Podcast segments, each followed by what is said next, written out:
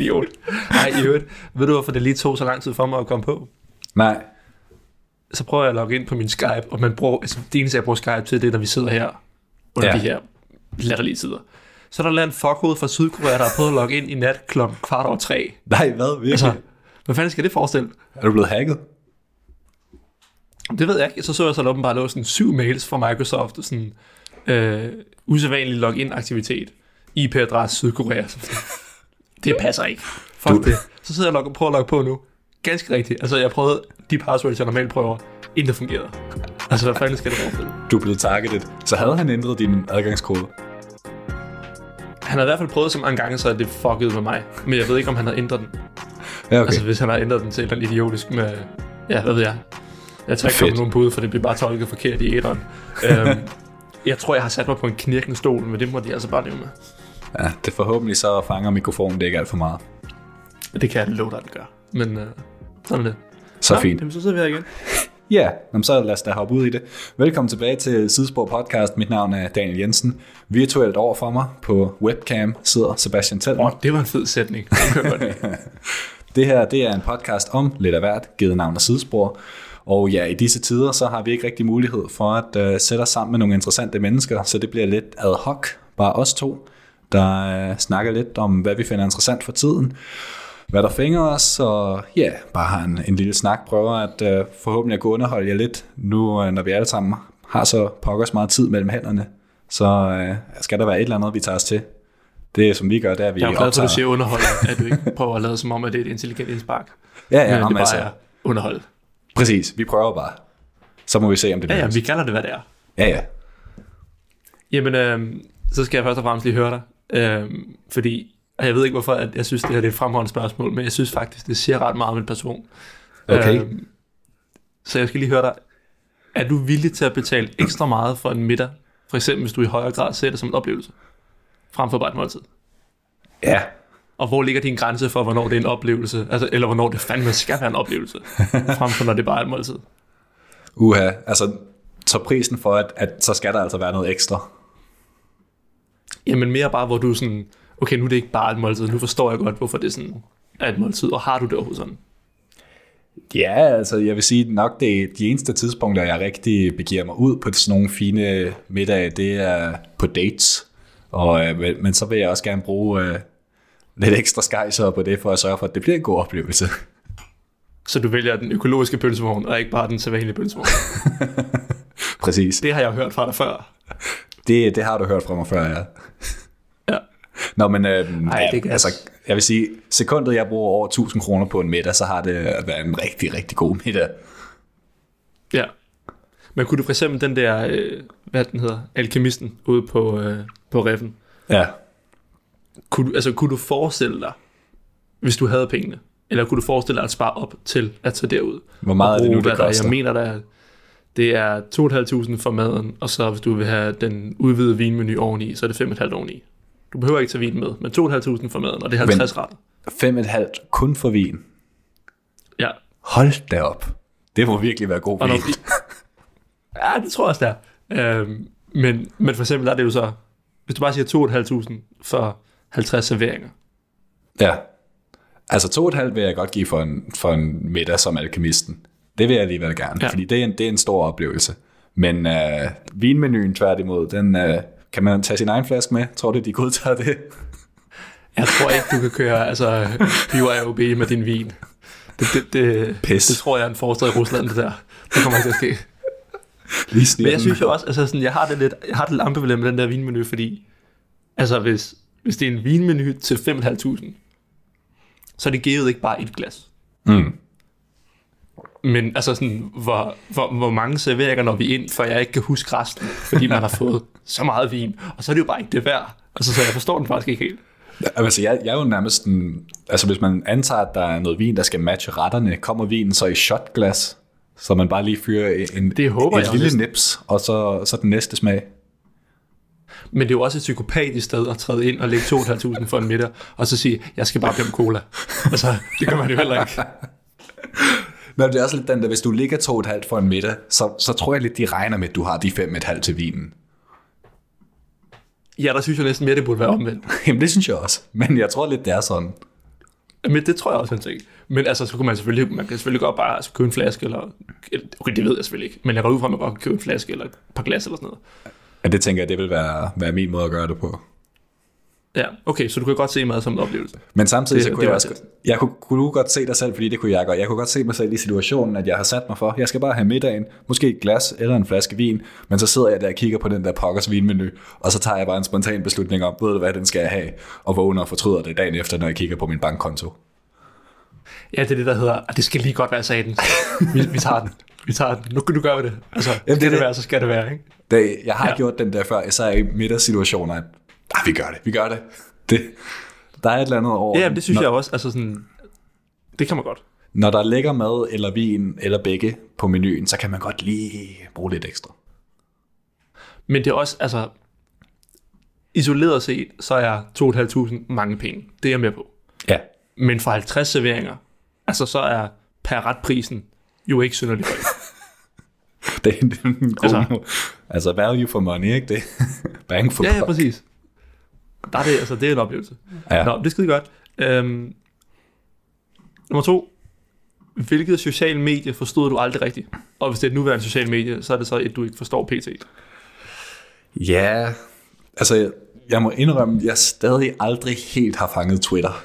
Jeg kan, jeg, kan, jeg, kan stadig, jeg er stadig ikke helt med. altså, jeg, Det ved jeg ikke, hvorfor, men det var bare et udsagn, jeg kan regne med jeg, jeg, jeg kan bare ikke helt gennemskue, hvad det er, Twitter kan, som ingen andre steder kan. Udover at begrænse idioti, men det, det er det så tydeligvis heller ikke så godt til, når man ser USA's præsident, der bare er begyndt med at sige, det her det er del 1 af 3, når jeg tweeter, og så bare fortsætter ud af. Jamen, altså, jeg tror egentlig, nu er det ikke, fordi jeg er sådan vildt... Øh, jeg er meget fluen på væggen på Twitter. Jeg kigger meget, hvad de andre siger. Øh, men, men jeg tror ikke helt, jeg har forstået det der med, at nu har de jo frigivet, så det ikke bare er 140 tegninger. Nej, er det ikke det? Nu kan du... Nej, nu er det vist... Altså, jeg ved ikke, hvor meget det så er, men nu, nu kan du skrive sådan rimelig meget løs. Nå, nå. Hvor jeg sådan lidt...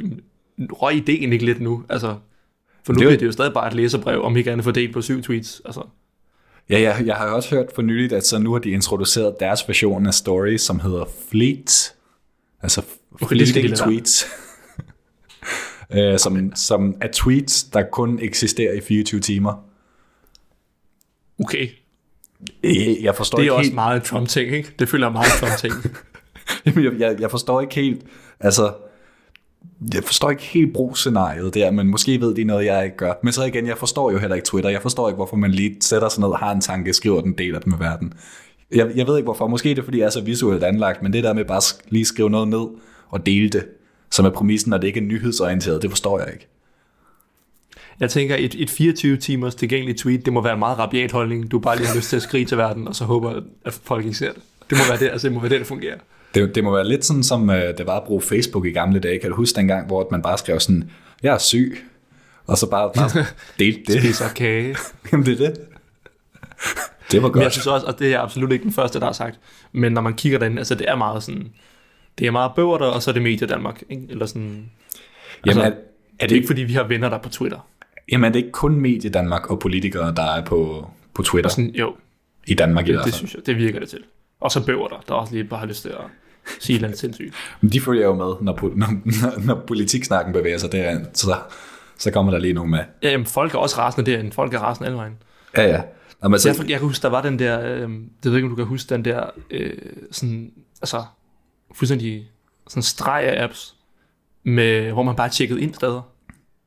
Det var ja, sådan noget Foursquare og Ja, ja, Path, Foursquare. og der var flere forskellige, hvor jeg også var sådan lidt, det tror jeg ikke, jeg forstår. se, det var faktisk en af dem, jeg forstod. Jeg ved ikke, hvorfor jeg forstod det, men jeg kan huske, jeg havde Foursquare, og jeg var sådan, det er ret fedt, det her. Jeg kan godt synes, jeg havde det, men jeg kan huske, jeg fangede aldrig helt, hvorfor jeg havde det. Det er sjovt, Også fordi, altså, det døde bare ud, da Facebook sagde, ja, nu har vi også locations. Så var, så var alle sådan, Åh, jamen, de har formentlig også købt hele lortet jo. ja, Men det, det også, man kan sige, nu, især de her år, siger jeg de her år, som om det er noget helt nyt, men hvor man diskuterer meget, altså privat, øh, privatlivspolitik og så videre. mm. Foursquare og Path og så videre, det er jo, altså, det er jo sindssygt, hvad du har givet væk der. ja, ja, altså det, det er bare sådan, ja, bare track mig, og så bare giv mig muligheden for at tjekke ind, når jeg er et sted, som du kender. Nå, men det er ikke engang bare track mig, det er, jeg tracker mig, og så kan I bare bruge det. altså, det er også helt sindssygt. Det, Nå, sidst men ikke mindst. Men apropos det, apropos det der med at tracke, kan, er du en af, du har forhåbentlig slået fra på Snapchat, den der, ja ja, du tracker mig bare, og sådan så den ved, hvor du er henne at all times. Der er det der kort inde på Snapchat, har du set det, hvor du kan se, hvor alle dine venner er henne, som Ja, det har jeg dig fra. Det er ret Det er vanvittigt. sindssygt også. Ja, Det er fuldstændig sindssygt. det er sådan live tracking. Du kunne reelt bare sådan zoome ind på det kort og finde din ven ude i byen. Det er sådan lidt, lidt klamt. Ja, der kan jeg jo godt lide for eksempel på Messenger, den der med, øh, at du lige kan dele din location i team. Ja, er det, Det er super praktisk. givet, at de 100% ved, hvor jeg er, og det resterende af de 23 timer. Men, men, det, Ja, ja. men det giver lige lidt den der sådan, okay, så, så min ven ved i hvert fald ikke, hvor jeg er i mere end en time. Forstår du den, eller får du også den der, øh, nogle gange, hvor der bare lige popper sådan et vindue op og siger, øh, vil du tillade, at den her app fortsat tracker din location, og så kan du se på et map sådan prikker, hvor den har tracket din location. Nej, det har jeg ikke fået. Det lyder Altså det får skræmmende. jeg bekymrende ofte, og jeg aner ikke hvorfor, men det dukker op, og jeg er bare sådan lidt, ikke lige nu, gå lige væk. Men øh, det er også en app, der bare tracker, hvad jeg laver. Når du får de der sådan, spørgsmål med, øh, om sådan only while using app, eller, eller always, hvilken en af de to siger du? Jeg plejer at sige altid. Ja, Altså der var jeg så skud ud til Algi Algi manden. Det plejede at være, det plejede at være mig. Men, men nu er jeg sådan lidt, ah, kun når jeg bruger den. ja, fordi sådan er jeg også nemlig. Ja, I- det I er har det, I har ikke behov for det andet. nej, det er sindssygt. Øhm, sidst men ikke mindst, øhm, hvilket transportmiddel havde du mest? Øh, det må være busser. Ikke hvad der er mest latterligt, men hvad hader du mest? Jamen, det, det, det er en bus. Jeg kan virkelig ikke lide busser. Jeg har aktivt undgået Snakker vi busser specifikt i 5C nu, eller snakker vi busser busser? alle busser i hovedstaden. Det skal, jeg skal ikke bede om det. Ja. Det. Jeg har det sådan, hvis jeg ikke kan tage en metro derhen, så cykler jeg. Jeg skal ikke, jeg skal ikke med bus. Det skal jeg ikke bede om. Jamen jeg ved ikke, om bussen er redsom. Jeg kan ikke forklare, hvorfor. Det er ikke fordi, den- der er sådan lidt mindre plads eller noget i forhold til metroen. Jeg skal bare ikke bede om det. Nej, fordi altså, toget er mere komfortabelt, og me- metroen er genial. Ja. Men, men bussen, den er... Den er latterlig, og den stinker altid. Og det er... Jeg ved ikke, men, men det er også fordi... Nej, det ved jeg sgu ikke engang. Nej, det ved jeg sgu ikke. Men den er irriterende. Jeg skal da ikke bede om den. Jeg har en, øh, en god anekdote fra øh, gymnasietiden omkring mit forhold til busser. Øhm, jeg var på vej Det kan hjem blive en fra... dreng pige, det her. Jeg var på vej hjem fra en, øh, en bytur med en ven, og øh, det var jo den gang, hvor man skulle tage bussen, fordi det var blevet rigtig sent, hele vejen inden fra Indre By op nordpå. Øhm, Og det er natbussen. ja, det var natbussen. Det er jo, Uh ja, den er jo særdeles rædselsfuld. det, er det er jo det bedste sted at være, hvis man bare vil have et indblik i, hvordan livet sådan er, når det bare bliver kogt ned til sit mest essentielle behov. Alle, Det er bare sidder, samfundsfag A-niveau lige der. alle sidder bare og sover og eller spiser en dårlig, et dårligt pølsehorn eller en Big Mac eller et eller andet. Det, det Eller er prøve at holde en eller anden øh, snak kørende med en eller anden, de prøver at få med hjem. Og så Ja. kan det altså være langt. Ej, det, oh, det er det værste at se. Dem der som sådan, okay, de har besluttet sig for at tage hjem sammen, men der går lige en time, hvor de rent faktisk kan komme hinanden ved, mens de bliver mindre og mindre beruset. Ej, det er ikke Altså, godt. der er folk, der løber maraton, og det kan være imponerende, hvis man gør det godt. Men det der, det er altså en sport, som bare overhovedet ikke har fået det søgelys, det fortjener. Fordi hold da op. Men øh, i hvert fald, så øh, jeg falder i søvn i den her bus, og jeg, jeg har min ven med, som, øh, som skal overnatte hos mig, og øh, jeg vågner. Min ven er væk. Han er simpelthen væk. Jeg, jeg, jeg, jeg, og, og jeg, jeg er sådan forholdsvis ædru på det her tidspunkt, fordi jeg alligevel har sovet det værste væk. Så jeg vågner bare dybt forvirret over, er han stået af? Hvor er han? Hvorfor kan jeg ikke se ham inde i den her bus? Så jeg går frem og tilbage tre gange i den her bus. Altså, jeg, jeg, har, jeg har virkelig lignet jer på noget der. Altså, folk... Var der mange mennesker i bussen stadig på Ja, det tidspunkt? den var helt fyldt op. Altså, hele byen skulle Så har hjem. du været pisseirriterende, hvis du har været frem og tilbage. Ja, men heldigvis var der ikke nogen i gangen, så jeg, jeg, du ved, jeg gik okay. Ligesom bare midt imellem folk. og jeg, så, så besluttede jeg mig til sidst for, okay, det eneste rationelle, jeg kan gøre, det er, at jeg går op og spørger buschaufføren, har du set min ven? Uh, han er cirka så høj, er brunt hår, er han steder af? Uh, og så i det, jeg, jeg har besluttet mig for, at jeg går op og gør det her, så stopper jeg lige en meter før, fordi der er jo inde i busser, så er det sådan, at der er det der lille sådan mærkelige sted, før de første sæder, hvor man kan lægge sådan større stykker bagage op, sådan en lille yes. Hul. Der lå min ven han, han havde fundet det sted. Så, så sov han der. Han, jeg ved ikke, hvordan han havde formået at komme derop, eller om han, hvordan han overhovedet kunne være der, men, men der sov han. Og det var lige Jeg skal lige vide, af. er det en person, jeg kender? Ja, det er det. Okay, den skal jeg lige vide bagefter, fordi det er fedt. det er rigtig fedt. Hvis vi, øh, jeg kan huske, øh, bare lige for endnu, endnu en busanekdote, jeg skal prøve at gøre det kort. Vi var engang øh, fire gutter, der også skulle hjem fra byen, sad med hver vores McDonald's-pose, øh, nede på de Altid godt. Ja, Altid, Nå, det er jo et must. Øh, og vi satte hver vores, øh, hver vores alarm. Jeg kan tydeligt huske, at da vi sætter den her alarm, der går det op for os, gud, vi har faktisk fire forskellige telefoner. Så der var en iPhone, der var en Samsung, der var en, hvad ved jeg, helt en latterlig HTC eller et eller andet, og så en eller anden fjerde, fjerde telefon. Øh, vi falder alle sammen i søvn med hånden i posen nærmest. Vågner i noget, der hedder Blåbærhaven, som åbenbart ligger heroppe nord på et eller andet sted. Øh, altså, det er lige for at blive sparket ud på røv og albuer. Buschaufføren er rasende. Vi er ved endestationen, og han skal bare ikke bede om noget som helst. Og vi kigger på vores telefon, og det er sådan en kvarter siden, at alarmerne startede, og de ringer stadigvæk. Åh oh, nej. Og vi sidder sådan lidt, hvorfor fanden er ham her markeren så sur? Altså, om ikke kan vi sgu da bare vende om og køre med hjem. Så går det op for os, han har jo siddet i en symfoni af fire forskellige ringetoner i et kvarter til 20 minutter.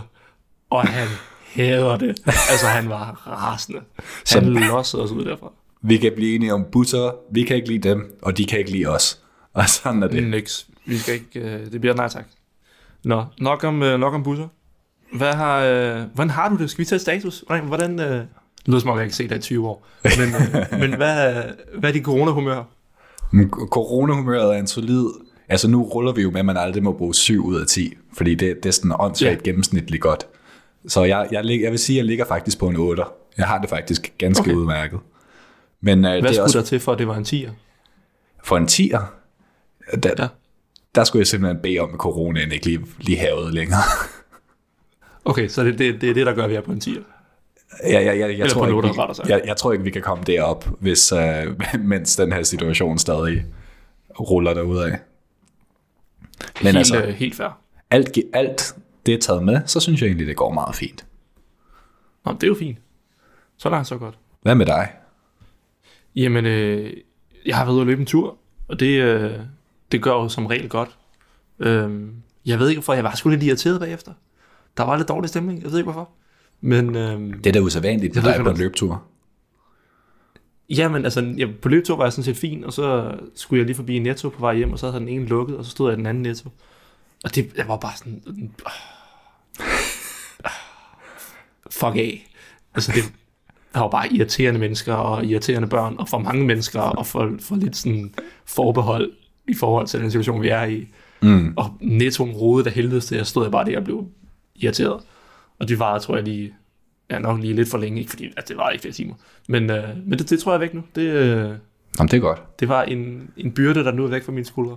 Jeg synes også, man er kan, man kan se her i påskedagene, at folk bliver mere og mere large med hele situationen. At ah, Folk slapper for meget af. ja, det er lidt, hvad er to meter egentlig? Og hvad er 10 egentlig, hvis vi lige tæller? Hvor mange mennesker er det? Altså folk er virkelig Ja, og det er meget den der, hvad på to mellem venner. Altså, og det er idiotisk. Øhm, men, øh, men der er så fandeme også mange ude og køre cykel. Altså, det er jo lige før, det er det rene Tour de France op og ned Strandvejen. Er der det? Det er... Jamen, det der er sådan, nu kommer jeg løbende og løber pænt en bue uden omkring folk, og især gamle mennesker osv. Ikke? Og så kommer der jo bare altså et kvart Tour de France-felt bravende forbi, efterfulgt af nogle andre, som ikke har noget med dem at gøre, men man, altså, man tror jo, der kommer rytter den næste time, for de kommer bravende forbi. Øhm, og jeg kan da godt se, hvad er lækkert, når man skal ud og røre sig osv. Men altså, lad lige være med at køre sammen 12 gutter. Det er. Ja, det er ikke. Også fordi, jeg, altså, jeg er en lille smule sådan, øh, er meget opmærksom, når jeg er på cykel. Fordi jeg ved ikke hvorfor, men i mit hoved, så er det der med at cykle bag nogen, det, det er det værste. Så hvis jeg ender med at ligge sådan lige to meter bag en anden cyklist, så er jeg overbevist om, at jeg bliver smittet med et eller andet. Fordi jeg får alt deres udånding og eventuelt host direkte i ansigtet. Altså det, det, rammer, face. Det rammer lige mig. Så det, Ja. det vil jeg meget gerne undgå. Så jeg, jeg, jeg kører simpelthen den taktik, der siger, at jeg kører hurtigere end nogensinde før, overhælder alle. Jeg, jeg er forrest hele vejen. Bjarne Ries fra Frederiksberg ind til Indreby. Genialt. Jamen, altså, det, det er bedre end doping. Det er bare øh, frygten for corona. Så er der fart på. Jamen det, Det er også som om, altså sådan, nu, jeg ved ikke, om det er bare mig, der øh, tænker for meget over det, men hvis jeg løber forbi folk, altså, så vender jeg da resolut hovedet den modsatte vej væk fra dem, og trækker vejret den vej, indtil jeg er forbi. Altså sådan, netop fordi, når du, når du motionerer, så proster og stønner du en lille smule mere, end du gør normalt. Ja, ja. Jeg håber ikke, du gør normalt, så skal det godt være, at du lige skal se en læge, hvis du stønner og proster, bare fordi du går op og ned ad en eller anden vej. Men, men altså, det skal man da på en eller anden måde i hvert fald gøre, hvad man kan for at mindske andre mennesker for, for i snotten. Ja. Øhm, Jeg hørte en, øh, en øh, anekdote fra min mor, hvor jeg var sådan, ja, det, det, det forstår jeg ikke lige, hvordan nogen kan få sig selv til at gøre det, givet om der er corona eller ej. Hun nåede at gå en tur i skoven, og så kommer der, øh, så vidt jeg kunne forstå, nogen øh, sådan løbende mod hende, og, og så sådan lige, lige før de løber forbi hende, så laver ham den ene marker her, han holder sig bare for det ene næsebord, og så snotter han bare alt, hvad han overhovedet kan ned mod jorden. Næsebordet skulle lige tømmes. hvor, hvor min mor selvfølgelig forarvet over smitterisiko, Ja da. hvor, hvor jeg også tænker, det er ikke okay på nogen tidspunkter. Altså heller ikke, når der ikke nej, er men det er en ting, og jeg har aldrig pandemi. forstået det. Altså, Altså, jeg har aldrig forstået det, men det er en ting. det, tag, tag nu lige lidt sammen, folk. Det der, det skal vi ikke bede om. Jamen også fordi, altså sådan, jeg har set både løbere og cykelryttere og fodboldspillere og så videre gøre det, men, altså nu bliver det meget teknisk, ikke? Men grund til, at du blandt andet bruger et, et lomserklæde, nu bliver det meget farmoragtigt, grund til, at du blandt andet bruger noget papir, når du pudser næse, det er jo på lidt for at fange det, der nu skal fanges i papiret, men også så du ikke har girlander hængende fra snotten de næste 10 minutter. Så hvis du bare, altså, blæser hjernen ud gennem det ene næsebord, altså, det er satan sgu da ulækkert, det skal I stoppe med. Altså, Det er simpelthen så ulækkert. Altså, Altså, det, altså, det er bare ikke okay. Nå, men det var bare lige hvad er det. det for en spray, altså? Nå, ja, det skal folk. Nå, har du noget, har du noget på dagsordenen, herr Jensen? Jamen, jeg vil egentlig øvrigt lige, lige komme med en beskrivelse af, hvordan det er at være i, i Indre By, fordi jeg er faktisk taget ind på, øhm, på det fælleskontor, jeg er en del af i dag, øh, hvor, Nå, der tror du er, med, det siger til det? hvor der er ganske tomt. Der er ingen mennesker. Altså, der er vi helt dødt. Så det er, Så det, tror det, jeg det synes, det er okay. det er så spøjst at være herinde. Også fordi, altså, kontoret ligger på Vestergade. Givet det er en af de mest larmende og sådan, centrale steder i Indre By. Der, altså, der er ingen larm. Der er mere stille her, end der er ude på Frederiksberg. Det er helt ekstremt. Det er så mærkeligt at være her. Det er sådan, Og det er aldrig sket før, at der er mere stille derinde på Frederiksberg. Nej, altså jeg sidder med åbent vindue lige nu, og altså der, der er ingen støj. Og det er sådan, når folk går forbi nede på gaden, der plejer jo at være den der konstant sådan, bymyldren, sådan, at, der, at der bare er liv i byen. Nu er det sådan, man hører Sådan hvad, hvert eneste sådan, person, der går forbi, og lige har en samtale eller et eller andet. Det, det er næsten uhyggeligt. Det er meget mærkeligt. Jamen, da jeg var inde, øh, inden forleden også, øh, det var da jeg skulle hente mikrofonen, vi så optager vi nu, og vi drak en kop kaffe med afstand bagefter. Der var jeg også lige derinde i, øh, ja, det var så inde ved det studiestræde og også Vestergade. Og det er jo sådan helt, altså, Det sådan en man tror, ghost det løgn, town. det er lige noget fra en film. Fuldstændig. Øh, det er meget, øh, det, det er indbegrebet af surrealistisk, at, at den, den næstmest latterlige gade efter Goddersgade er så tom og stille. Det Ja. er, det er meget mærkeligt, men øh, ikke desto mindre i virkeligheden. Men, øh, men ja, sådan er, sådan er det sgu lige nu.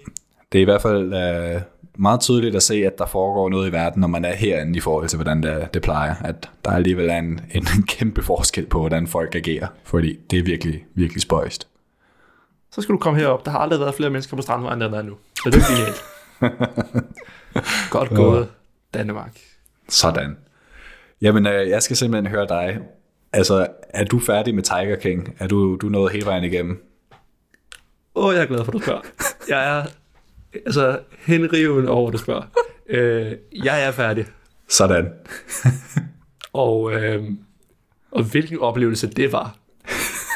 øh, jeg, altså sådan, jeg tror altid, når folk, øh, når folk snakker meget om ting, så magter jeg ikke lige se det, mens de snakker om det.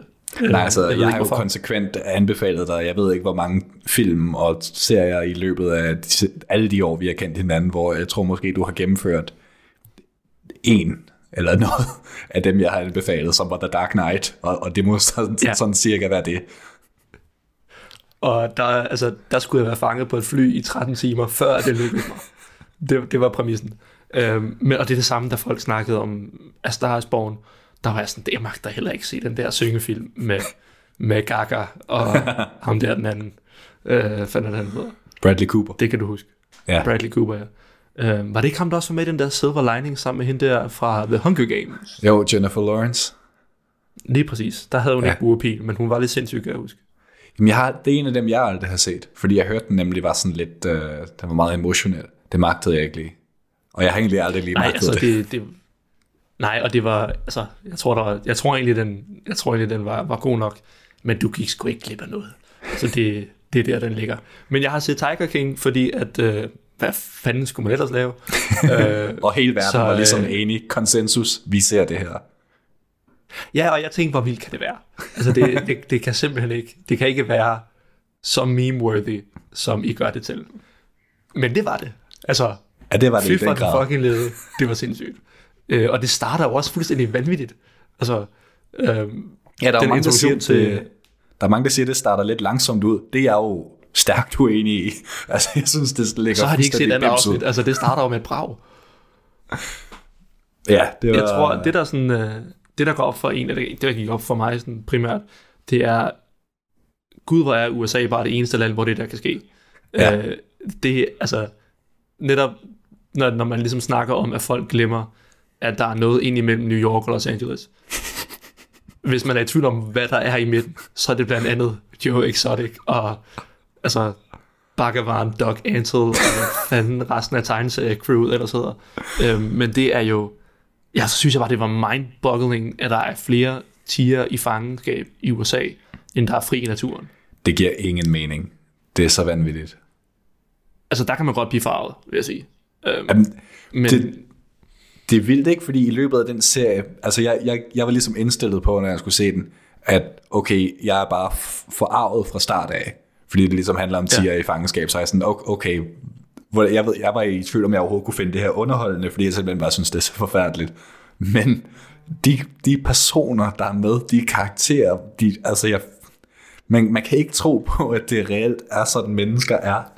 Det er sådan sideløbende med, at det er en dokumentar omkring hele den her forfærdelige tigerindustri, så er man også bare fascineret af, hvad fanden foregår der i det her sted i Oklahoma, hvor de her mennesker eksisterer? Altså, jeg forstår det, ikke? Og gud, hvor glemmer man bare hurtigt de der tiger af fangenskab. Altså jeg kan huske at tænke over i andet afsnit, hvor man sådan lidt, nu er man jo vant til, at der bare render altså, kæmpe kat rundt, Ja, mm, sammen med tusind andre kæmpe katte. Og, og det er situationen. Altså det, det bliver meget hurtigt, øh, det bliver meget hurtigt egentlig bare om menneskerne frem for mm. dyrene. hvilket og også er det heller ikke set, har sådan fået. ville være. Ja, og altså, jeg, jeg synes egentlig, altså sådan, den er uden tvivl, og det ved jeg ikke, om jeg altså, som princip har noget imod i forhold til dokumentarer, fordi jeg har det sådan lidt, hvis du laver det, så må du skulle lave det med den vinkel, du nu præsenterer, så mm. længe du ikke foregiver, at det er noget, det ikke er. Øhm, men jo, den er da sindssygt subjektiv, altså den er vildt udst- udstillende i forhold til, hvem vi har med at gøre. Altså jeg tror ikke, der er nogen, der, der sidder og tænker, men Joe Exotic blev egentlig rimelig objektivt øh, altså, præsenteret. Ja. Altså, altså han fremstår som en galning uden lige, og det Mm. gør alle de andre også. Altså hende der, der fik lavet bryster bare for at få en pause, altså det var også fuldstændig sindssygt. Men, Fanden men men, altså, arrangement. amen, også fordi det bare, altså en ting er, at du har med bims folk at gøre, som har en tigerpark, men så stiller han kraften op til præsident, og så til guvernør, og så er der altså sådan, så en kæmpe spoiler nu, så er der Ja. ja. en, der bliver skudt i hovedet på et kontorlandskab. Altså, hvad fanden sker der? Øh, Jeg vil lige, lige, lige lægge med, at, at uh, jeg synes lige, vi, vi tager inklusiv spoilersnakken nu, og så kan, så kan folk lige skip forbi det, hvis de ikke har set det endnu. Men den korte anmeldelse er, please se det. Altså, virkelig, det er, det er værd at se. Og nu, Ja, kan, vi for og nu det kan er- vi, vi, vi kan lige lægge en uh, timer ind til, hvornår, hvis I vil undgå Tiger King spoilers, så spol til, til det givende nummer, der står i beskrivelsen af den her episode. Men uh, nu, nu tager vi ja. Den altså lige, fordi det, det er simpelthen for vanvittigt til ikke lige at snakke om.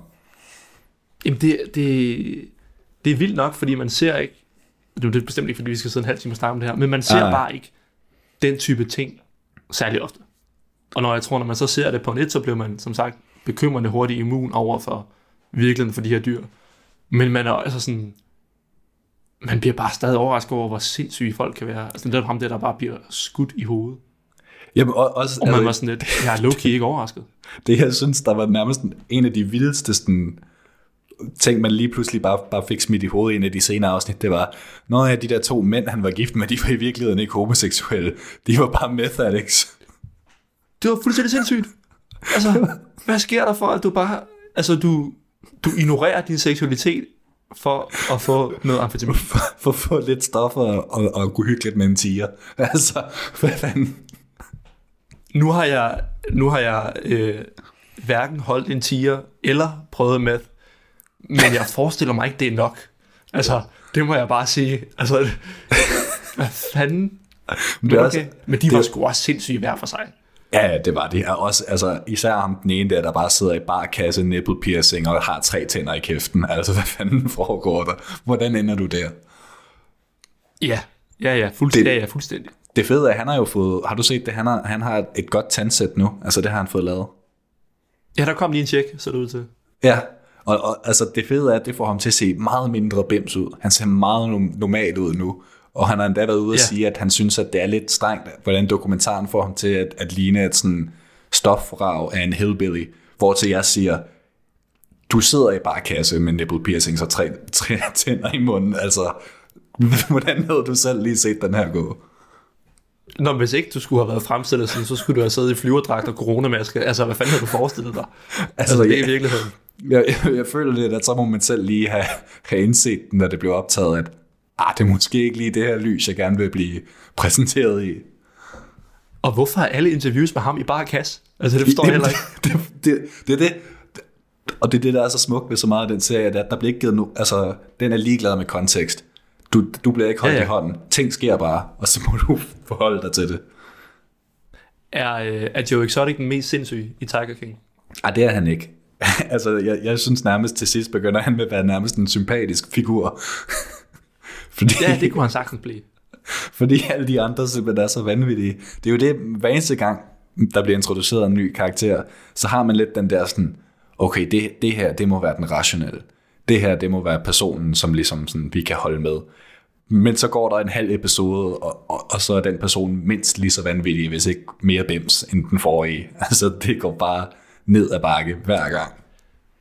Det er en af de få serier, hvor man faktisk ikke træder væk fra den, og ligesom har den der, som jeg holdt med den her person.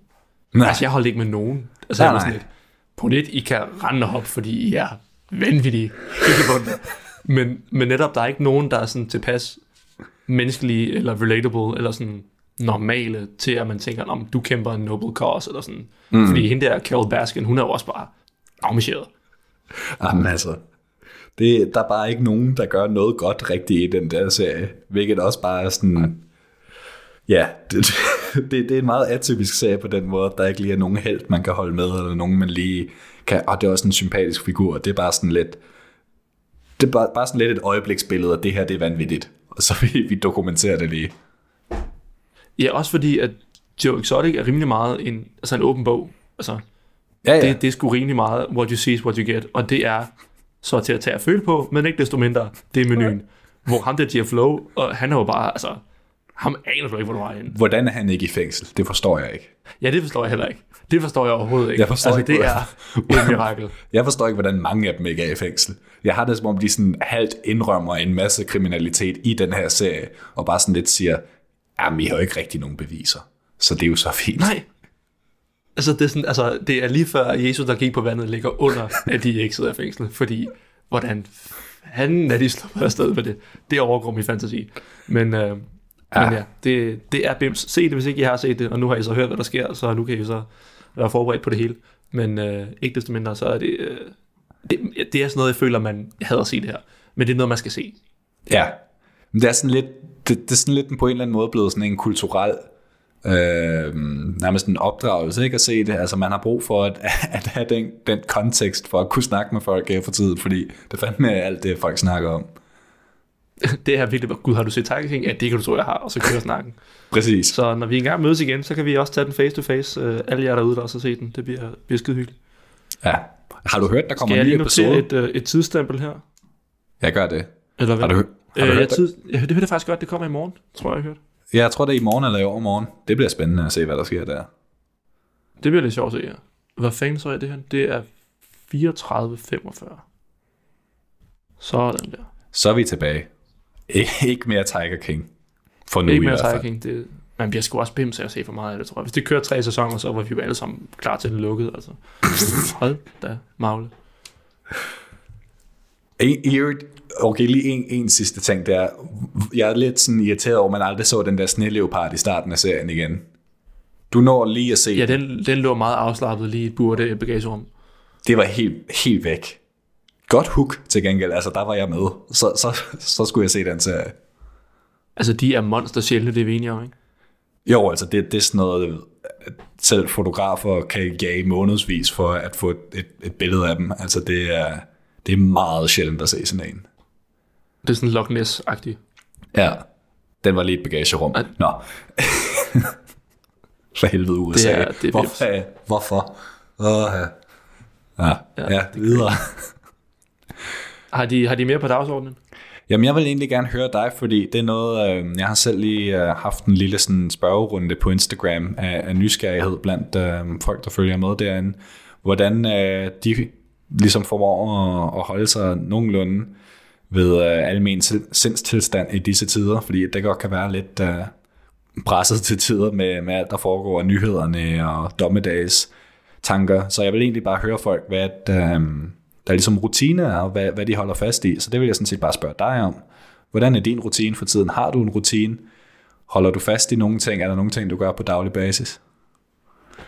Øh, det har egentlig skiftet, øh, skiftet rimelig meget, synes jeg. Det er ikke fordi, der har været nogen... Altså, det er ikke fordi, der har været deciderede mønstre, jeg har prøvet at følge. Jeg tror egentlig, jeg fra starten sådan, øh, relativt accepterende ligesom opgav de rutiner, der var, og var sådan, okay, det næste stykke tid her, det er, det er noget andet. Så, så at holde fast på ting fra en almindelig hverdag, det er lidt smule svært. Så det er ikke noget, jeg sådan har, har aktivt tænkt over, eller, eller, øhm, eller sådan gået i gang med at prøve at forme andet, end at det på en eller anden måde skal ligne noget, der minder om en hverdag. Mm. Øhm, de første par dage har snakket om sidst, tror jeg, der, der var det rimelig meget op i luften, øh, og sådan flagrende, og jeg havde virkelig svært at vende mig til det. Øhm, men nu, der står op ved en, ved en 8-9-tiden, tror jeg. Ja. Øh, hvilket er rimelig sent, synes jeg. Ja, især for Øhm, dig. Ja, altså ideelt set, det tror jeg, jeg en milliard gange. Men øh, ideelt set, så vil jeg jo gerne op, altså 6.30 hver dag, ikke? Mm. Øhm, og jeg synes også, hvis den lige bliver, bliver halv ni, kvart i ni, måske ni, der har jeg det sådan fuck, nu skal man have noget ud af dagen. Men det er Ja. også fordi, jeg tror, det sidder lidt i en, at solen går ned klokken 3, så hvis du skal nå bare at se noget dagslys, så er det Mm. om at komme ud af ferien, ikke? Ja, jeg har ikke helt øh, vendet mig til, at solen først går ned kl. 8 nu. Det, det, det kom lige Det er pludselig, fuck om en synes jeg. tidsregning. Ja, Altså, det er sådan helt, uh, gud, er klokken det her? Altså, jeg, jeg føler Nå, først, at jeg begynder med at tænke på aftensmad kl. 8 om aftenen, fordi det er der, det begynder med at blive mørkt. men vi har altid spist sent i min familie, så altså aftensmad, Ja. altså halv otte, otte, det er meget Det er, det er jeg også vokset op med. Sen aftensmad. Meget, øh, Ja. Jeg boede jo i Spanien i seks år, der, der, der udskyder Uh, ja. man jo lige alt to timer, der midt på dagen med noget siesta. Det er også lidt sindssygt. Ja, men, det er men jeg kan sgu meget godt lide det. Men, men nej, altså folk, der spiser halv seks, seks, det er... Vi er, altså, vi er ikke den samme person. Jeg, jeg forstår ikke dit liv. jeg skulle til at sige, I er ikke på bølgelængde. ja, præcis. Som jeg hørte i en uh, anden podcast forleden, Player, we are not the same. Uh, Mm. det, det, det har jeg svært at forstå.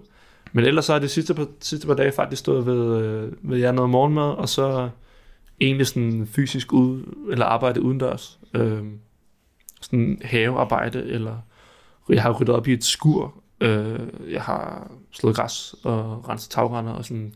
Jeg tror, jeg har Sådan. meget brug for ligesom at være udenfor Mm. og lave noget fysisk. Og så er det enormt tilfredsstillende at lave, altså at lave udendørs arbejde på den måde. Det er så tilfredsstillende. Altså det der med, at det har jeg ofte tænkt, hver eneste gang jeg laver et eller andet sådan projekt fysisk med hænderne, hvor man enten skal lave noget, reparere noget, eller fikse noget, hvad end det er, at det, er sådan, det er utroligt givende på sådan et meget, jamen sådan meget simpelt menneskeligt plan, ikke? Så nærmest helt øh, bare som et dyr, at det, det er fedt at udrette et eller andet fysisk. Ja. Det er sådan en meget, meget mærkeligt tilfreds følelse, man får. Jeg, jeg har ofte tænkt over, at sådan, kan vide, om, om håndværkere holder fast i, i den følelse øh, over tid. Altså sådan, når det også er deres, deres fag og deres arbejde. Fordi det må jo egentlig være en, en ret givende øhm, ting at arbejde med, hvis, hvis du har den følelse hver dag. Helt vildt. Og Så jeg har også så set, er- øh, nu så jeg lige af vores... Oh, undskyld, bare fortsæt. Jamen om det så er maler, eller tømrer, eller håndværk, eller hvad end det er, at det der med at skabe noget, det må være ret givende. Men ja, fortsæt. Ja, sådan altså håndværks, håndværksmæssigt, ikke? Mm. Øhm, jeg har også set vores, øh, vores første gæst på podcasten, faktisk. Øh, Louis Photo på, øh, på det der Instagram. Øh, Ja. Louis Fryg her. Øh, han er i sommerhus og har... Altså, det ligner til, at han har malet, øh, malet møbler og stiftet paneler og fældet træer og, og også gået i gang med den helt store... Jeg så godt lige, han, han fældede et træ, der var lidt udfordrende. Ja. Ja, og jeg skrev også til ham, øh, det der, det meditation lige der, han var bare sådan, haha, ja, det er det. Øh, Mm. Men jeg, kan- jeg kan godt se, der er noget... Altså, jeg tror... Jeg vil ikke kunne holde det ud, hvis jeg ikke kunne gå rundt med podcastdyrene. Mm. Øh, så ville jeg blive... Eller, eller musik eller et eller andet. Det, og det vil da formentlig en eller anden psykolog, der kunne få noget rigtig interessant ud af, at går rundt stillhed. Men, øh, ikke det, hvorom alting er, øh, så, så er det bare rart, tror jeg også at se netop, at der sker noget. Det er jo også derfor, Mm. det kan være tilfredsstillende at male eller et eller andet. Ikke? Øhm, men, Ja. øh, men jo, og ellers så har jeg typisk en, en løbetur omkring, jeg vil egentlig gerne formiddag, men der laver noget andet, så typisk eftermiddag. og så, og så egentlig bare, har, har jeg faktisk catchet op på Euromans. Det kan jeg virkelig anbefale. Sådan. Øh, det er altså et klart tip herfra. Jeg læste øh, et ret vildt interview i morges fra januar-udgaven af Euroman med ham, der er chef for Forsvarets efterretningstjeneste. Okay, Han hedder Lars Finsen. Det var helt vildt fascinerende at læse. Øh, det kunne jeg godt jeg synes forstå. faktisk, at uh, Euroman laver nogle sindssygt gode interviews. Uh, det er i samme, samme nummer, det er Simon Juhl uh, nummer. Der var også hans, uh, hans interview, som også er virkelig, virkelig velskrevet, og det er, det er virkelig interessant at læse om. Jeg læste også den med Knud Romer forleden, som jeg mener er marts, hvis ikke februar udgaven. Uh, og han dealer så med, at han er ved at blive blind, sådan totalt blind. Han er åbenbart, jeg tror det er grønt der. Øhm, og det er også, jeg har egentlig aldrig rigtigt, det kan man ikke sige, det kan man godt, men, men jeg har aldrig været selv bevidst om, hvad han lavede, men jeg synes, han appellerede ikke umiddelbart til mig. Mm. Øhm, men at læse det interview, det ændrede helt klart mit syn på ham umiddelbart, øhm, fordi det, det skulle, det skulle noget at gå i møde og vide, at man bliver blind om fem minutter. Ja, det, det er sådan en af mine største mareridt. Det er især med, med synet. Jeg, du ved, at, og det er du også selv, men du ved noget, om noget af, at jeg er et meget visuelt menneske. Så det er sådan Ja, stor frygt. Så det, det, det, det er ret det der med interessant. Det sanser, må jeg, altså, Ja. altså, loss of senses, det virker super angstprovokerende. mm, det, må jeg, det må jeg læse. Det lyder som god læsning. Du kan lige få, få nummerne forbi. Ja, fedt, fedt. Hvad har Selvfølgelig ikke øh, corona-sikkert. Hvad Steriliseret. her, når det spritter det lige af? Alle sider Ja, ja, spritter det lige af. Det kan du Ja. tro. Uh, hvad, med, hvad, med, hvad, har, hvad har du holdt fast i rutiner, og hvad meldte folk ellers ind med? Jeg så godt, der Ja. var noget, men jeg fik ikke lige læst det hele i, hele bund.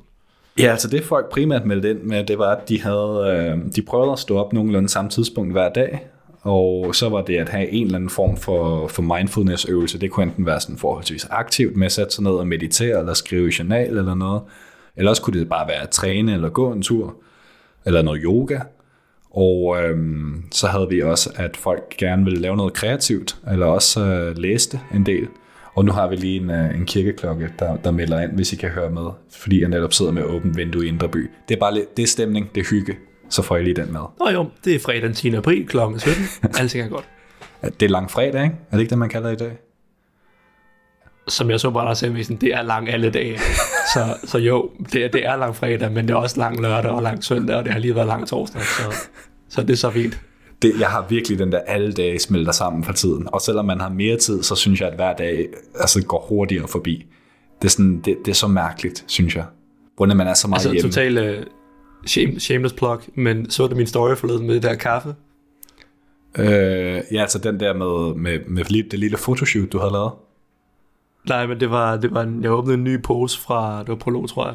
Mm. Og jeg skrev et eller andet med, øh, et eller andet med, øh, hump day means opening a new bag. Nå ja, eller ja. Og så var jeg sådan, vent, det er tirsdag.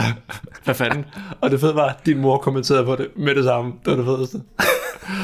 Hun døde også bare af grin, kunne jeg se. Det synes jeg var Uh, jeg har også lige lavet den i dag. til At mor. jeg har også lige lavet den i dag med, at "Nå, men det er jo lørdag, og så er jeg sådan, nå nej, det er fredag. Jamen altså, jeg, jeg har ingen tidssans de her dage. Øhm, men, for, men for at komme tilbage til netop, netop det, så har jeg prøvet, fordi jeg lige havde et par dage, hvor jeg sådan, synes, jeg var helt fra den, og så lad og uproduktiv. Ikke at man nødvendigvis skal være produktiv disse tider, det er helt okay bare at tage en slapper. Men jeg havde bare sådan en, følt mig utilpas og bare sløv. Så nu har jeg lige prøvet de seneste uh, to-tre dage her at uh, stå op cirka det samme tidspunkt. Det gør det lidt tidligere nu, så nu prøver jeg at gå lidt tidligere i seng og stå op kl. 8. Og så øh, har jeg genoptaget min øh, lille challenge, som jeg lagde på hylden, øh, da hele det her udbrud, hvilket er ikke at kigge på min telefon, i, øh, i hvert fald den første halve time, og, som jeg er vågen. Og det gør en kæmpe forskel for, sådan, hvordan jeg har det om morgenen, og min generelle dag fremadrettet. Så det der med ikke lige at få input for morgenen af, og med rent faktisk bare starte ud med, lige tage et bad, ræsingen, lige stå og nusse med en kop kaffe, og hvis, det er, hvis der er solskin udenfor, at gå ud og stille sig i en solstråle, og så kigge på sin telefon. Det er så rart. Altså kæmpe forskel. Altså, jeg har bekymrende svært ved ikke at kigge på min telefon, når jeg vågner om morgenen. Øh, og det er sådan, og det værste var, jeg, jeg, jeg så faktisk den der story i morges, da jeg lå i sengen, tror jeg. Mm. Øh, og jeg var sådan, og der tror jeg, du der havde allerede ligget og set. Øh, jeg så lige resten af det der Hot Ones interview med Timberlake, som i øvrigt også ja. kan anbefales. Um, men det der med, man, altså man, man rækker bare ud efter sin telefon, som mm. det første. Og jeg kan nemt ligge i en halv time til 45 minutter ja. med min telefon, og sådan catche op på, hvad der skete i går aftes, slash her til morgen. Ikke? Mm. Og det, det jeg, jeg tænker nogle gange på, på det interview, vi havde med interview, det lyder så holdravne. Det er ikke en beskyttet titel, så hvad vil det gøre? Um, med den podcast, vi havde med Ruben, hvor han også, han også lige brugt 20 minutter og en halv time om morgenen med sin telefon i sengen. Ja. Uh, og sådan, jeg ville, han havde helt klart accepteret det, lød det til. Altså, mm. det er sådan, det er. Bum, sådan er det, ikke? Ja. Men, men jeg kan mærke, at det irriterer mig faktisk, mm. at, det, at det er en ting i løbet af min morgen. Ja. Men, øh, men jeg har jo tydeligvis ikke ændret det, så jeg bruger mig til to talk. Altså, det, jeg vil også sige, det er ikke fordi, at jeg, jeg er sådan helt send, bare vågner og overhovedet ikke over at kigge på min telefon og bare har så nemt ved det. Altså, det, det, det er nærmest, du ved, jeg når at række ud efter den, og så er jeg sådan, nå nej, vent, jeg har jo lovet mig selv, at jeg ikke skal gøre det.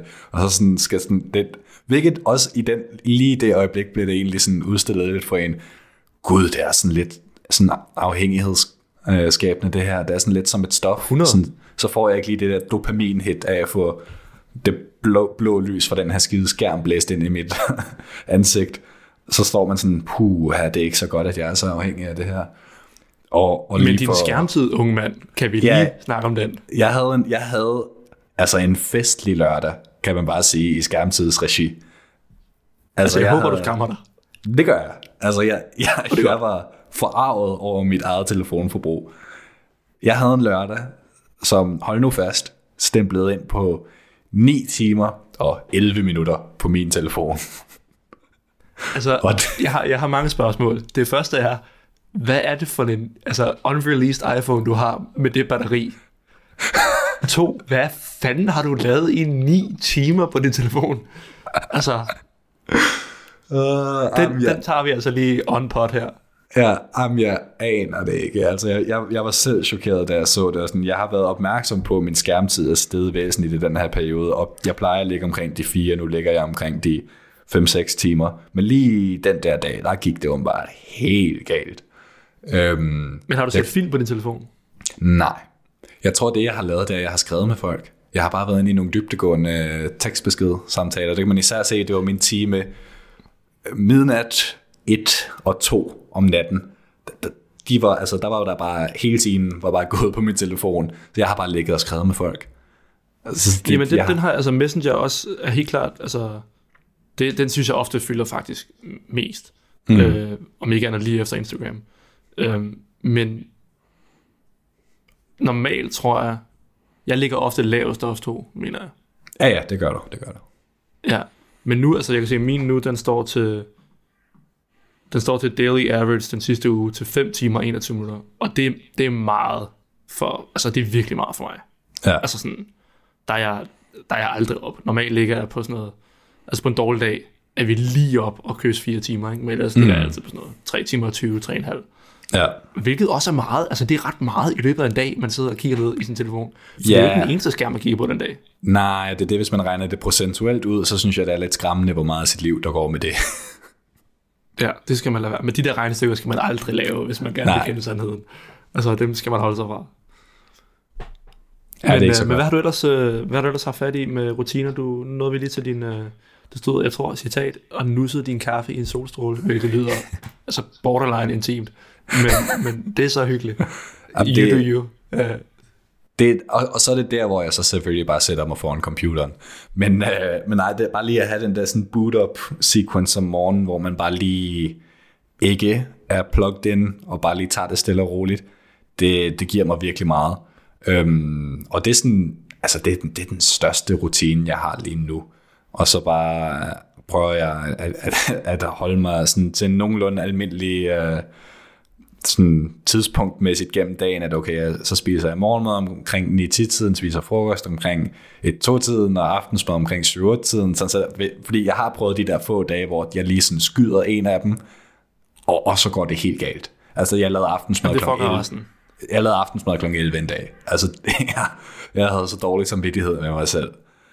Og det er jo Apropos- natmad, det er jo ikke aftensmad. Ja, apropos aftensmad til gengæld, det er en ting, jeg har fundet sådan ro i, det er at lave mad. Sådan, det er ret beroligende og bare Helt vildt. stå og, og prøve nogle nye ting af i køkkenet og, og bare give det et skud med, med at lave noget lækker mad til sig selv. Det, det er virkelig afslappende. Jamen jeg er jo, øh, altså, jeg har andre år fulgt ret meget med i, i Masterchef Australia, men det, det, det kører så ikke længere. Um, men, men nu her i coronatiden, der er jeg altså gået all in på, på Masterchef Danmark. På. Nielsen og dommerne, mega nice. Altså det er, jeg sad faktisk og tænkte på, at altså jeg har, jeg har næsten lyst til at få, få dem på podcasten, fordi det, det er sådan nogle fede typer, synes jeg. Um, Ja. men, men jeg lavede faktisk også mad forleden. Jeg lavede øh, quesadillas. Uh. Øh, og, og madlavning er jo, som du siger, beroligende, så længe det går godt. Ja, det er rigtigt. Når, når ting brænder på, eller der er ting, der går over, eller man glemmer et eller andet, så er det absolut ikke beroligende. Men, jeg, men altså ligesom med, med det der udendørs arbejde, det er ret tilfredsstillende at lave mad. Altså det er Det er meget det. sådan, det, det har en, eller det inspirerer til en eller anden form for sådan øh, detaljeorientering og sådan akkuratesse og sådan gøre ting ordentligt. Mm. Og det kan jeg godt lide. Helt klart. Jeg har til gengæld også en anbefaling, fordi altså, jeg synes, jeg vil helt klart anbefale alle, at hvis I ikke gør det i forvejen, så lav lige noget mad til jer selv i den her periode. Det, det er en Og god havregryn er ikke mad. Nej, det, det er en god tid lige at øve sig lidt og, øh, og bare ja, hygge, stå og hygge sig lidt med det. Men det er jo også nogle pressede tider, så nogle gange så skal man også bare have noget dejligt nemt og ikke tænke så meget over det og ikke føle nogen skyldfølelse for det. Der har jeg en anbefaling, som kommer direkte fra BT's test af bedst af det billige, som jeg så er gået efter og testet selv. Og det er simpelthen frysepizzaen fra Rema. Kæft, den er god. Om det kan den altså ikke være. Sorry, Det er- det kan det er- bare ikke være. Det er den. Altså, det... Dr. Okay, jeg, jeg er- køber, er at det måske er... Jeg køber, at det måske er best in class. Jamen det er, altså ja, det er det, jeg, det er det, jeg mener. Jeg mener jo ikke, at den, den kan jo ikke konkurrere med en rigtig italiensk pizza. Uanset hvor meget markedsføring de kaster bag den. Nej. Surdejsbund, ja, det er fint. Den er stadig ligger på køl i jeres køleboks i, hvad der minder om 6 måneder. Så stop så. Øh, ja, okay. Jamen, øh, altså, her medgivet videre. Jamen altså, jeg, jeg vil bare sige, at, at jeg har altid sådan svoret ved Dr. Økker. Altså det har været, været min go-to. Men den er altså lige et sted mellem 10 og 15 kroner dyrere per pizza. Og den er dårligere. Altså, den her Rema pizza, den koster 5-26 kroner. Det er, altså, det er altså god værdi. En god pizza. Det, det er god pris. Det er det, jeg hører Ja, det er, det er rigtig god pris. Er, øh, er madlavning noget, du egentlig godt kunne tænke dig at være god til? Fordi det har det altid lidt været for mig. Men det har altid været sådan en ting, som, du ved, det havde været en af dem, der jeg udskyder. Sådan en eller anden dag, skal jeg nok lige, Ja, ja. skal jeg nok lige blive god til at lave mad. Men det, det er Så jeg, kører man Tim Ferriss' 4-hour chef, og så kører bussen. jeg har aldrig lige taget det seriøst nok endnu, men øh, jeg burde tage mit eget råd og, og, og gå mere ind i det. Men jeg vil nu sige, at, at sådan, øvelse gør mester, og jeg er begyndt med at blive bedre og bedre til at lave de sådan simple ting, og i takt med at jeg er blevet bedre til det, kan jeg godt mærke, at jeg pludselig føler mere selvtid til også at springe ud i nogle lidt mere udfordrende opskrifter. Men det der, jeg, da jeg følte mig usikker på selv at lave en, en krydret kylling stegt på panden, og nogle stegte grøntsager og, og pasta pesto. Da det var udfordrende for mig, så skulle jeg ikke bevæge mig ud i noget andet. Men nu når den sidder Nej, rimelig... det er også bekymrende. Men nu når den sidder rimelig meget på ryggraden, og, og, og den er nælet, så føler jeg godt, at jeg kan ligesom rykke videre et, et trin op. Altså, jeg tror egentlig, jeg er, er rimelig god til at lave mad, men, men altså, det er jo ikke fordi, man har, har vildt mange altså, retter på ryggraden, som sagt. Altså, det er jo meget, øh, Ej, jeg tror, det er jeg meget, meget de samme 4-5 øh, Ja. hofretter, man ligesom... Og dem synes jeg så også, altså, to be fair, jeg laver godt. Men, Ja. ja. men jeg synes ofte også, når man ser, altså netop når man sidder og ser Masterchef og så videre, altså en ting er, at man tænker, åh, jeg skal bare ud i køkkenet og lave alt muligt mad. Og så kommer man ud og tænker, men jeg har jo ikke halvdelen af det udstyr, de har. Mm. Altså, og det kan godt være sådan en... Øh, det kan godt være sådan en... Ikke, ikke være demotiverende, men sådan, om det, det, så bliver det nemmere at udskyde. Ja. Ja. Og der tror jeg måske, man skal tage sig selv i at sige, jamen, okay, altså keep it simple. Du kan komme afsted med, med, med få ting. Øh, og så er du egentlig i gang og kan lave mange ting, går jeg ud fra. Men det må vi spørge hinanden om en dag. Jeg tror også, at min, min udfordring er den der med, der er mange af de mere interessante opskrifter, de kræver alle mulige mærkelige små ting, jeg ikke har i forvejen, og så skal jeg ud og købe ja. Det. Men, men jeg kan heller ikke, jeg er ikke sådan færm nok i et køkken til at vide, hvordan jeg lige kan flette dem ind ellers. Og så har jeg bare en masse ting, der bliver for gamle, fordi jeg ikke får dem brugt. Og, og Ja, for det er jo det, det ender hver gang, når det kun lige er noget, der slår en med sådan, altså, måske måneders mellemrum, så er det, man jo netop ender med at have altså, en, altså, en dåse stjerneanis, og øh, så, hvad ved jeg, et eller andet stående i hjørnet, som man, som man ikke lige får brugt forløb, ikke?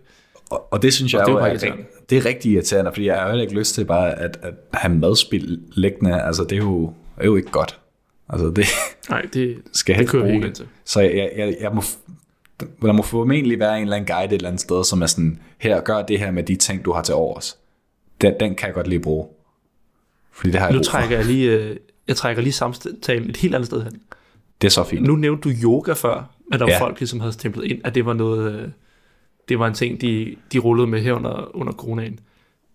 Er du nede med yoga? Har du erfaring med yoga? Og hvor starter man hen? Fordi jeg har så lidt overvejet det her i går aftes. Jeg har faktisk erfaring med yoga. Jeg havde en yogasommer for to sommer siden. Der, der gik En jeg yoga simpelthen... sommer, det var, altså det var yoga sommeren. Ja, det var det. Det var, øh, der, der gik jeg simpelthen lige op i det, fordi jeg besluttede mig for, at ej, nu skal jeg simpelthen have gjort noget ved de her hofter, som er så pokkers stramme og stive, der ikke kan bruges til noget som helst. Så nu jeg løsnet Men det var også motivationen for dig. Det var stivheden, ikke? Jo, Am, altså det, det er slemt, når jeg ikke får bevæget mig. Altså det, det sidder især i min hofter, givet jeg har også to fibersprængninger fra min baskettid i min højre øh, hofte, og hvad er det, man, man kalder det, det indre der? Det kan jeg ikke huske. Det er Lysken. Ja, lysken. Jeg har en fiber Det indre fed quiz. Ja, biologi, det var der, jeg var bedst. ja. men, men så der havde jeg lige, at ej, nu bliver, nu bliver jeg simpelthen lige nødt til at løsne op i det her. Og det lykkedes så også, og det var faktisk rigtig rart, og jeg havde det rigtig godt i, i min krop. Men som så mange andre ting, så, så når man ikke lige fik de store sådan, fremskridt længere, så blev det lidt kedeligt, og så faldt jeg af på den. Så nu er jeg lige så stiv, som jeg nogensinde har været i kroppen. Altså, det er helt galt. Ja, også fordi, altså, og her kan I, I, kan, altså, I melder bare ind, men jeg har svært ved ligesom at finde, om det er her, du starter.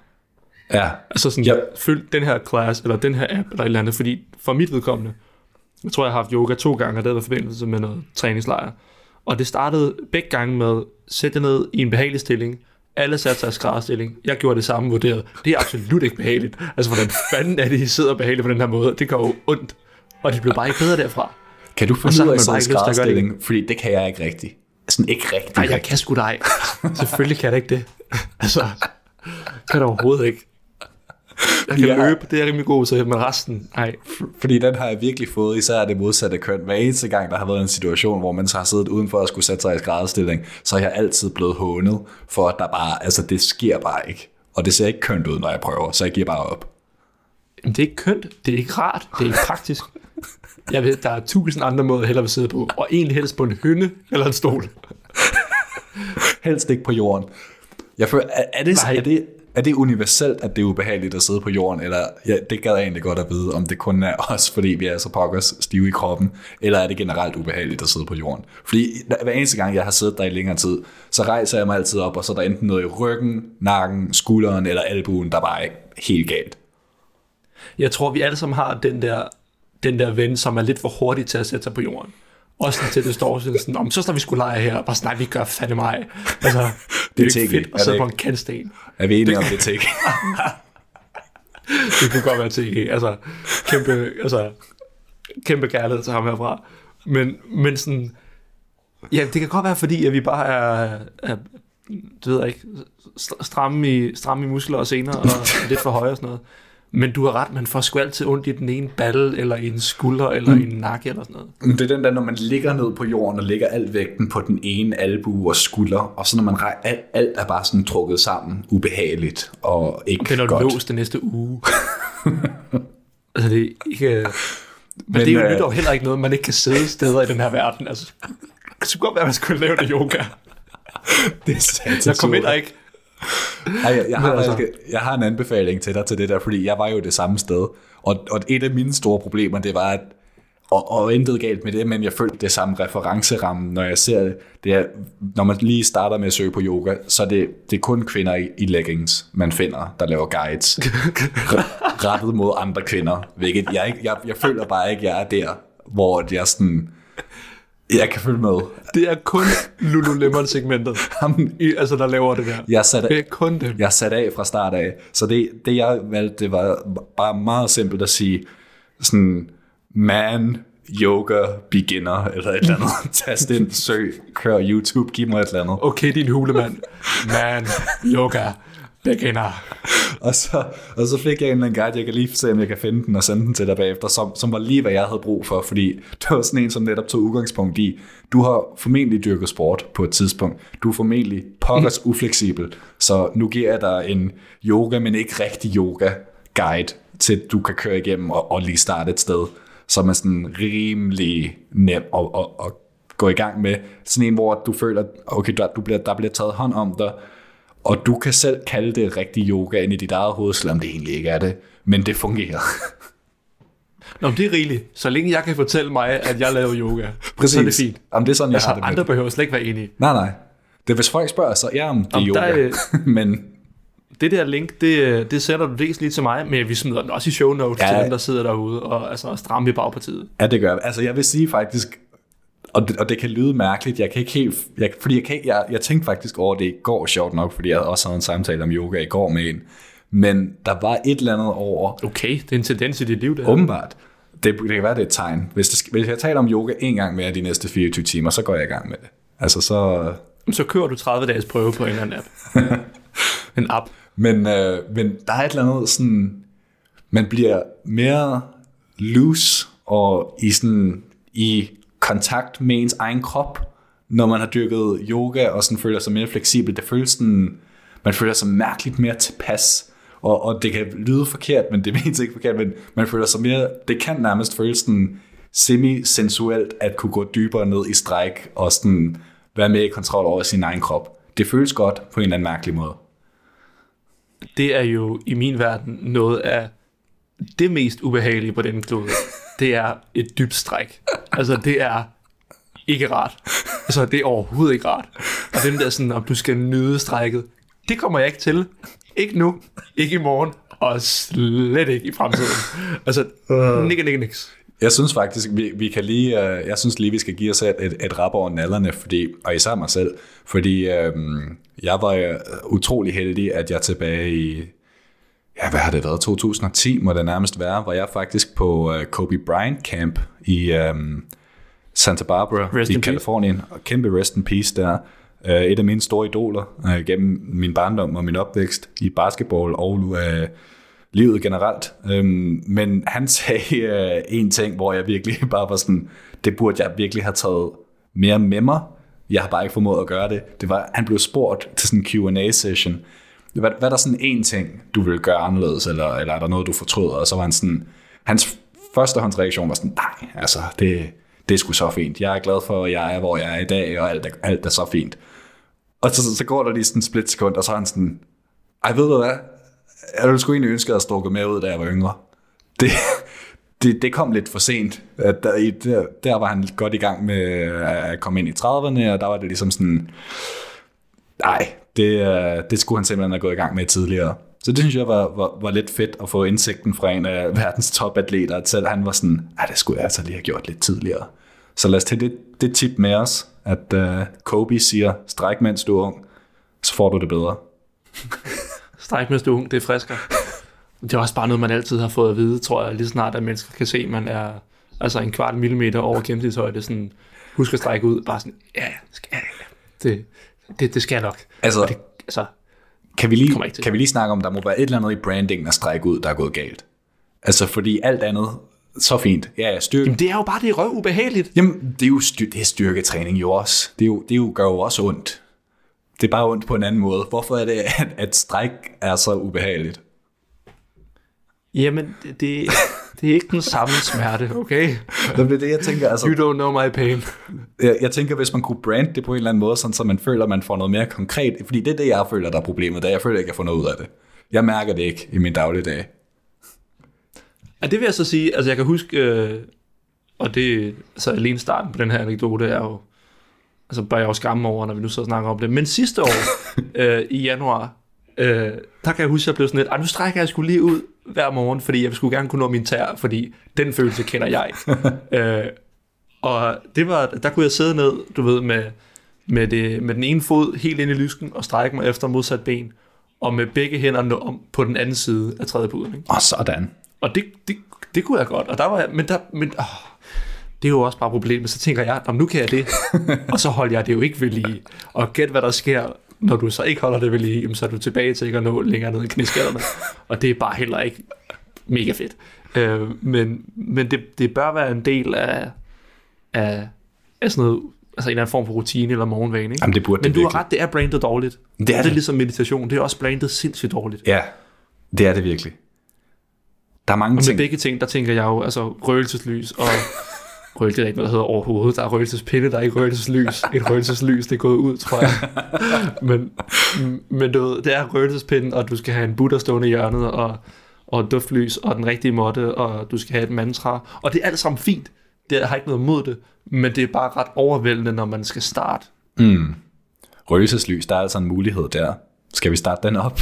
Ny virksomhed. Nå, men altså, den der væg, ud med den, stik en kæp ned i midten, og, og døb den et eller andet inden der, og så kører du bare derud af. Corona, coronalys, det er det helt nye. Ja, uh, coronaen, den, uh, den, den uh, gør, at man tænker i nye baner, ikke? Kreativt. Det er det. Begrænsninger, det, Den her det, podcast det får en til at tænke meget kreativt. præg af, at karantænen har ramt os. Jamen, simpelthen. Den, den, den, Jamen, den har jeg, ramt jeg kan virkelig mærke det efterhånden, at gud, nu er jeg meget hjemme. Altså, og jeg, jeg har set de samme, jeg tror, jeg tror, jeg talte, at det var fem mennesker i alt, sådan forskellige mennesker, jeg har set i den seneste måned. Hvilket jeg synes, er, altså, det, det er vanvittigt, at jeg ikke har set mere end fem mennesker det i er en måned. sindssygt. Men uh, sådan er Og det. lige i, i går især, der var jeg også lidt, nu har jeg fandme fået nok. Ja, Luk mig ud, agtigt. øhm, men, men altså, jeg, Så når, jeg, så når jeg så sidder og lige er irriteret over det i kvart sekund, så er man sådan, men jeg ikke gøre noget ved det. mm, Så det, det kan bare ikke betale sig at sådan investere vildt meget tanketid og energi og sådan fortvivlelse eller frustration tid på det, fordi at det, det kan ikke betale sig. jeg så til Det er en gengæld, dårlig kost Ja, jeg så til gengæld noget, der var en lille smule fortrøstningsfuldt. Det var øhm, Frauki, øh, tysk fotograf og veninde, som er yderst dygtig på Los Instagram.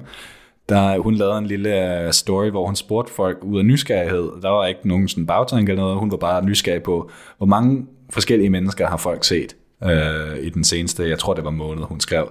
Hvor jeg så også, det var sådan en, hvor hun så havde sat, at det var, okay, det var 0 eller 5 eller 10 eller over 10. Og jeg satte den så der ved 5. Og der kunne jeg se, at det var faktisk der, flest havde sat den. Så det synes jeg var lidt fedt. Okay, altså sådan, folk er i det mindste gode nok til at respektere de her situationer, og, og ser ikke alt for mange mennesker.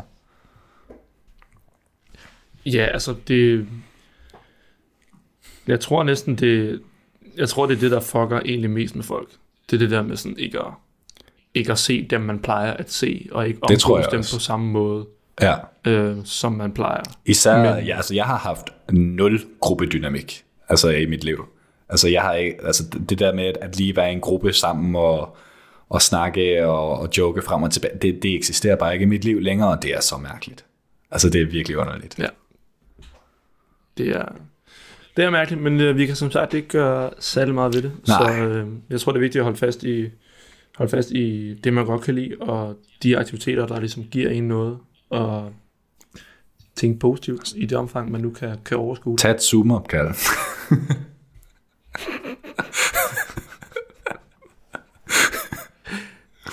Don't even get me started. For, ej, det, det er en helt anden podcast. ja. Nå, skal vi så runde den af der? Nu synes jeg også, vi har øh, formået at- holde den i gang i lang tid. Længere end jeg lige havde regnet med. Hvilket jeg synes er imponerende. Hvis man lige skal klappe Ja. sig selv lidt på skulderen. Altså, og det skal man, fordi der er ikke nogen omkring mig, der ellers skal gøre det. Så, så, så, så det gør vi. Øh, det, var, øh, det var det for i dag. Øh, hvis øh, I gerne vil følge med, øh, hvad der ellers foregår på, øh, ja, i de her tider, hvor der ikke sker en skid, så det er jo så fint, så hop ind på, øh, på Daniel S. Jensen inde på Instagram, og jeg selv kan I finde på September. Øh, sidespor kan I finde, hvor I plejer. Der foregår ikke, sgu ikke så skide meget lige i øjeblikket, så. Yeah. så don't, don't bother lige nu. Men, øh, men gå ind og følg med på Instagram, og øh, tak fordi I lyttede med. Ja, hvis I er nyt og så med, så uh, smid gerne en anmeldelse også. Det uh, betyder meget, og uh, hjælper os med at blive set, hvilket jo er lidt fedt. Så det, det vil vi sætte pris på. Altså, især de her tider, hvor man ellers ikke ser nogen, eller bliver set Ja. af nogen. Så det er så fint.